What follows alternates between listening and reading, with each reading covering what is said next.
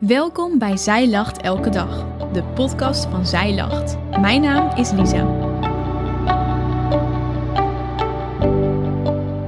Dit is de overdenking van 20 augustus, geschreven door oudschrijfster Eline. Paulus lijkt nooit uitgesproken. De brief naar Filemon bestaat echter maar uit één hoofdstuk. Of eigenlijk 23 zinnen. Ja, ik heb ze geteld. Waarom staat zo'n korte brief in de Bijbel? De andere brieven van Paulus zijn veel langer. Naar sommige plaatsen zijn zelfs meerdere brieven gestuurd en in de Bijbel opgenomen. Over Filemon lezen we alleen maar deze ene, bijzonder korte brief. Toch is deze brief ontzettend waardevol. Eén belangrijke les wordt hier door Paulus namelijk duidelijk uitgelegd. Vergeef in de naam van Jezus, want wij kregen de vergeving van God. De brief van Paulus gaat over de weggelopen slaaf van Filemon. Het is nu gelukkig helemaal niet meer gebruikelijk om een slaaf te hebben, dus deze zal ook niet weglopen. Maar we hebben wel vrienden, collega's, klasgenoten en familieleden. En niemand had het verwacht, maar ook zij maken fouten. Ik zal het je sterker vertellen, ook jij maakt fouten. Gelukkig hebben we de vergeving van God gekregen. Geven we die vergeving ook aan anderen? Filemons slaaf, Onesimus, is bij Filemon weggelopen en naar Paulus gegaan. Ik kan me zo voorstellen dat Filemon daar niet erg blij mee was. Onesimus komt naar Paulus voor hulp. Paulus kan er wel voor zorgen dat alles weer goed komt tussen Filemon en Onesimus. Paulus begint de brief met zijn welbekende groetjes aan iedereen. Daarna gaat hij direct over in het danken van God. Hij hoort namelijk dat Filemon en zijn gemeente gul zijn in het delen van Gods liefde. En daar doet Paulus dan ook een beroep op. We lezen het in Filemon 1, vers 4 tot en met 7. Ik dank mijn God, terwijl ik steeds in mijn gebeden aan u denk. Ik hoor namelijk over uw liefde en geloof dat u in de Heer Jezus hebt en over uw liefde voor alle heiligen. Mogen uw gemeenschap in het geloof zich krachtig openbaren in de kennis van al het goede dat in u is met betrekking tot Christus Jezus. Want wij beleven veel vreugde en troost aan uw liefde, omdat de heiligen innerlijk door u verkwikt zijn, broeder. Paulus is enorm liefdevol. Hij heeft hart voor alle christenen en alle gemeentes die worden gesticht.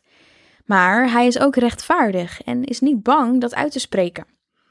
Zo zegt hij dat Filemon best kan bevelen wat hij moet doen met zijn slaaf Onesimus, maar dat hij dat liever niet doet.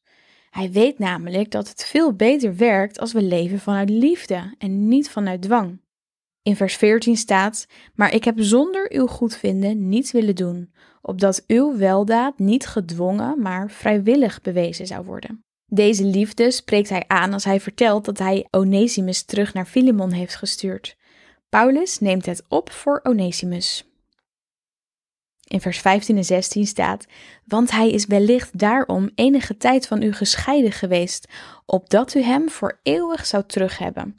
Niet meer als een slaaf, maar als meer dan een slaaf, namelijk een geliefde broeder. Was hij dat in het bijzonder voor mij, hoeveel te meer zal hij het voor u zijn, zowel in het vlees als in de Here. Onesimus is niet alleen een slaaf, hij is een christen.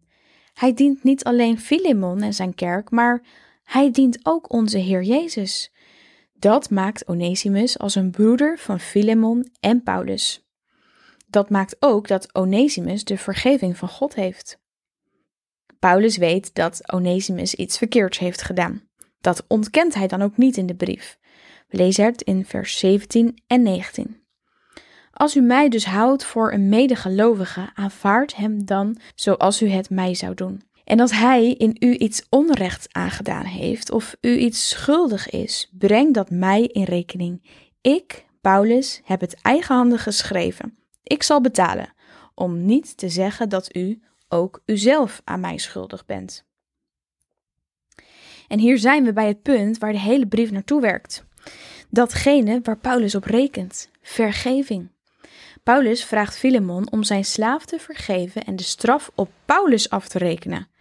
Hoewel Paulus niet letterlijk vergeving vraagt, weet hij wel dat Filemon vergeving geeft.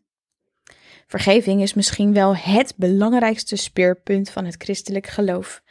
Want wij zijn vergeven door de grootste macht die de hoogste prijs heeft betaald. Jezus is voor ons gestorven, opdat wij vergeven worden van de fouten die wij maken. Alleen door de vergeving van God mogen wij in vrijheid leven.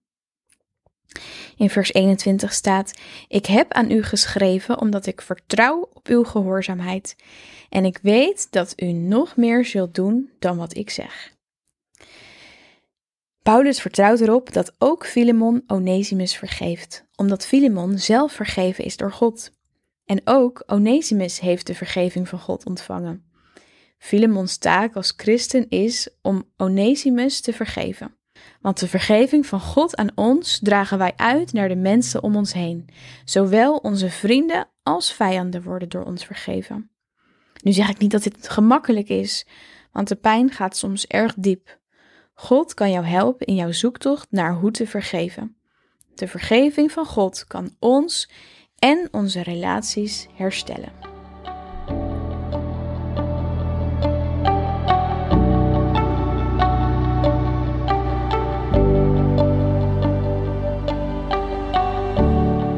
Dankjewel dat je hebt geluisterd naar de overdenking van vandaag.